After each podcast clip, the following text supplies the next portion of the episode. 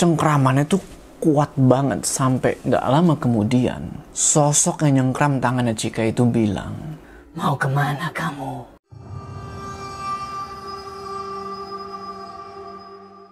Assalamualaikum teman-teman balik lagi sama gue Joe apa kabar kalian semua? Semoga kalian semua yang menonton video ini diberikan kesehatan, dilancarkan rezekinya dan selalu dimudahkan urusan-urusannya dan selalu diberikan perlindungan dari wabah yang sedang melanda dunia saat ini. Di video kali ini kita lagi-lagi bakal ngebahas tentang rep-repan atau ketindihan. Karena jujur gue penasaran banget sama hal yang satu ini. Gimana sih rasanya itu kalau ketindihan? Ya jangan sampai gue ngalamin sih.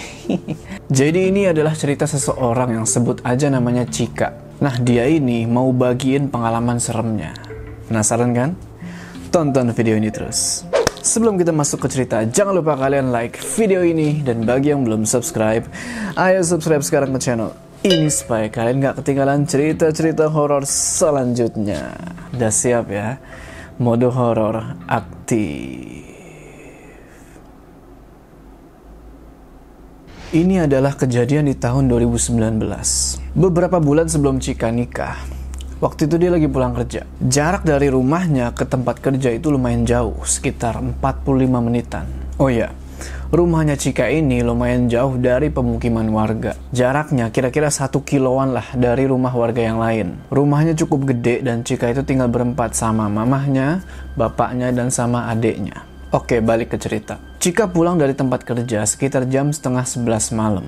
Dan kira-kira sampai rumah nanti itu sekitar jam setengah 12. Perjalanan dari tempat kerjanya menuju ke rumahnya itu harus ngelewatin kuburan warga, jalanan yang licin kalau hujan, dan kebun bambu. Posisi rumahnya Cika ini emang beda dari yang lain. Karena bisa dibilang misalnya ini rumah warga nih. Nah, rumahnya Cika tuh di sini.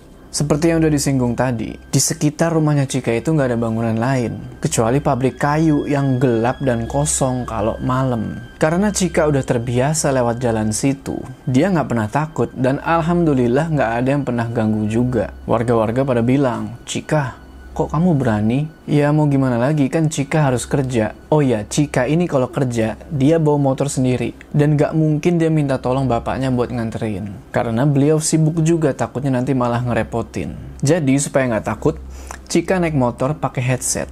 Tapi cuma sebelah doang ya, karena kalau pakai dua-duanya kan bahaya tuh. Mungkin dari kalian ada yang nanya, kenapa nggak ngekos aja? Di tahun 2017, Cika sempat ngekos sendirian. Tapi dia kapok karena kosannya itu serem banget. Banyak kejadian-kejadian mengerikan yang mungkin orang lain gak bakal percaya kalau mereka gak ngalamin sendiri. Waktu dia ngekos itu, dia cuma bertahan selama dua bulan. Dia mutusin ngekos juga karena waktu itu jalanan ke rumahnya itu lagi dicor. Dan kalau dia mesti naik motor sendiri, dia mesti muter jauh banget.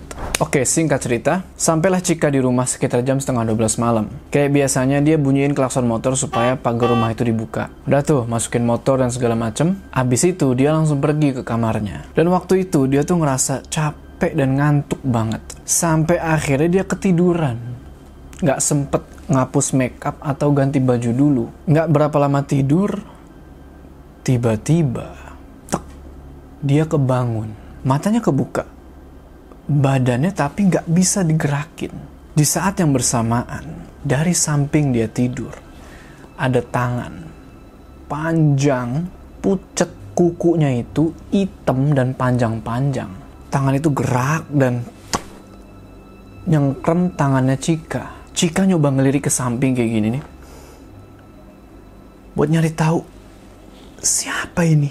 Tapi nggak bisa cengkramannya tuh kuat banget sampai nggak lama kemudian sosok yang nyengkram tangannya Cika itu bilang Mau ke mana kamu? Kamu nggak bisa ke mana-mana. jantung langsung dek dia pengen cepet-cepet sadar oh iya buat kalian yang nggak tahu keadaan penglihatan orang yang lagi kena rep-rep atau ketindihan jadi itu kalian kayak lagi ada di ruangan yang pakai lampu kuning 5 watan tau kan lampu kuning yang halogen itu? Jadi pandangan itu nggak jelas. Terus Cika nyoba buat gerakin jari-jarinya sambil terus doa. Dan untungnya dia bisa lepas. Tapi anehnya dia langsung tidur lagi. Nggak langsung berdiri atau ngapain gitu. Tidur lagi.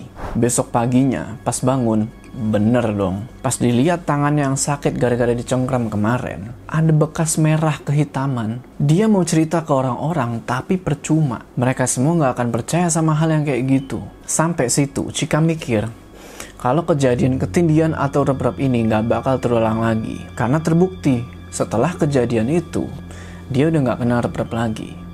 Tapi, kita lihat aja nanti. Suatu saat dia pulang kerja, habis dari shift malam. Sekitar jam 7 pagi dia baru sampai rumah. Karena capek, dia nggak pakai sarapan dulu. Dia langsung tidur. Dia pikir kalau siang gitu nggak bakal ada kejadian mistis. Tapi dia salah. Karena ternyata dia kena rep-rep lagi. Kayak biasa, badannya nggak bisa digerakin. Dan sekarang, dia ngelihat ada dua anak kecil yang lagi lari-lari di dekat kepalanya. Kebetulan kan di sekitar tempat tidurnya itu banyak boneka-boneka kecil. Nah, ada salah satu boneka yang tiba-tiba jatuh ke lantai. Terus, salah satu anak yang lagi lari-larian tersebut ngambil boneka itu dan bilang, "Ini punya saya." Dia ngomong gitu sambil senyum. Terus mereka berdua jadi rebut-rebutan boneka tuh sambil lari-lari. Kayak anak kecil yang lagi main-main ya gimana sih? Jadi boneka yang dimaksud tuh boneka ini nih. Dan setelah itu, boneka tersebut dilempar ke depan mukanya Cika. Jika di situ lagi berusaha, lagi-lagi buat gerakin jarinya. Dan alhamdulillahnya dia sadar. Abis itu dia langsung lari ke depan, ke arah halaman rumahnya. Nah, di halaman rumahnya itu kelihatan ada mamahnya, bapaknya, sama adiknya yang perempuan. Mereka semua lagi makan di luar. Jika lari sekencang mungkin dan begitu sampai langsung cerita ke mereka semua. Tapi mereka malah ketawa dan bilang kalau itu cuma mimpi. Terus mereka bilang juga, jangan suka ngomongin yang aneh-aneh. Ya pada intinya seperti biasa, mereka nggak percaya. Di hari Sabtu, Cika mutusin buat tidur sekitar jam 8 malam abis sholat isya. Karena hari itu dia dapat shift pagi dan besoknya libur. Baru dia menjemin mata dan mau tidur. Tiba-tiba, ada yang menggeram di kuping dia. Sontak dia langsung buka mata dan badan udah kaku lagi, udah susah buat digerakin. Dan lu mau tahu, apa yang dia lihat pas dia buka mata itu? Cewek. Mukanya tuh deket banget sama mukanya Cika. Dia menggeram. Mukanya pucet rada kehijau-hijauan. Matanya melotot dan di sekeliling matanya itu hitam banget. Ibarat itu kayak mungkin orang bisa tonjok kali ya. Sontak Cika langsung merem lagi sambil baca doa dan dia berusaha buat gerakin jarinya tapi kok susah banget geraman sosok itu makin kencang dan berapa lama kemudian akhirnya dia sadar. Untungnya sosok itu udah nggak ada. Dia langsung lari ke ruang tengah dan kebetulan mamanya lagi nonton TV. Dia nggak cerita tuh tentang kejadian tadi. Karena percuma, mamanya pasti nggak bakal percaya. Akhirnya dia mutusin buat tidur di ruang tengah sambil nonton TV. Soalnya dia takut buat tidur di kamarnya lagi. Nanti sosok itu muncul lagi.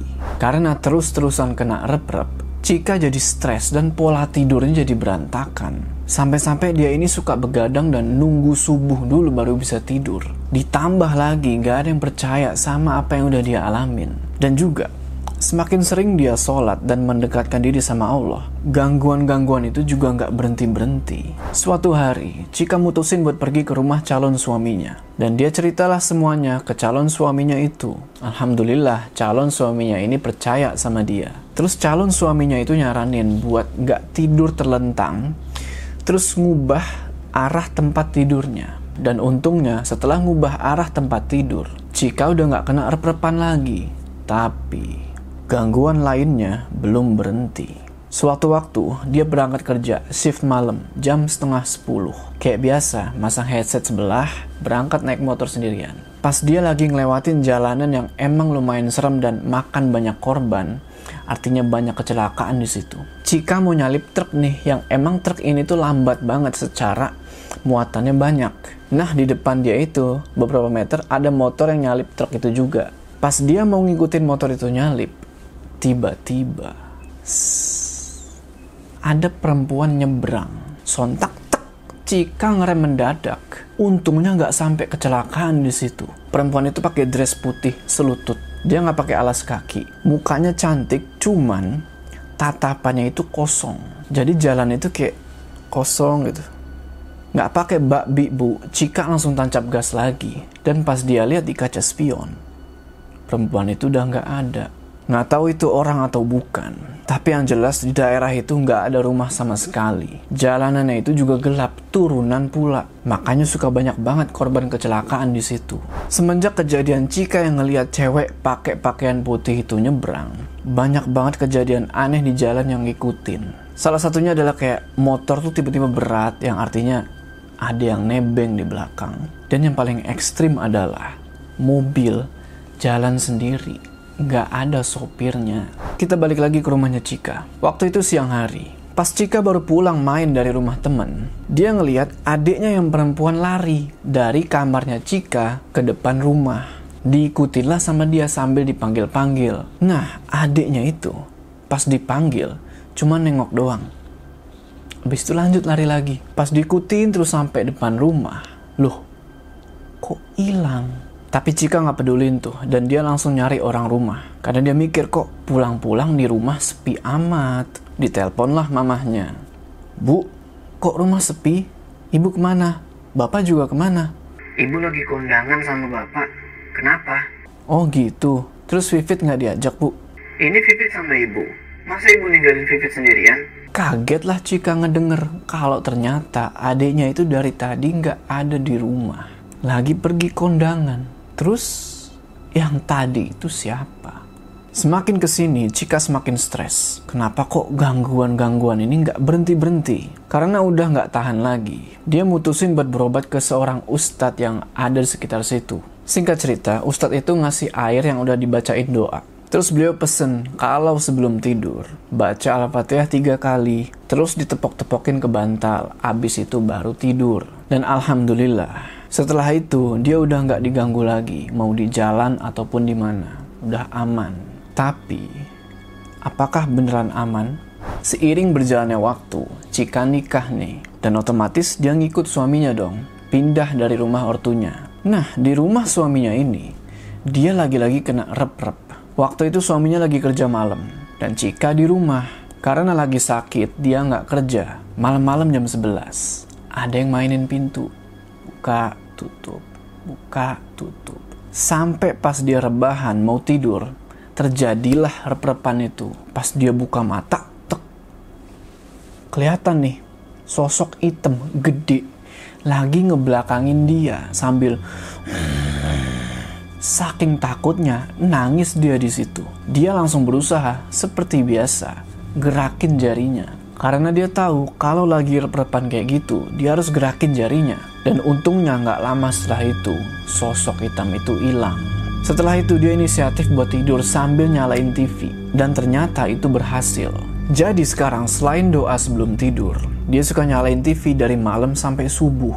Dan alhamdulillah, gangguan-gangguan itu berkurang drastis. Tapi, gue penasaran nih sama pengalamannya dia yang waktu dia ngekos. Kan dia bilang tuh, kalau diceritain banyak yang gak percaya.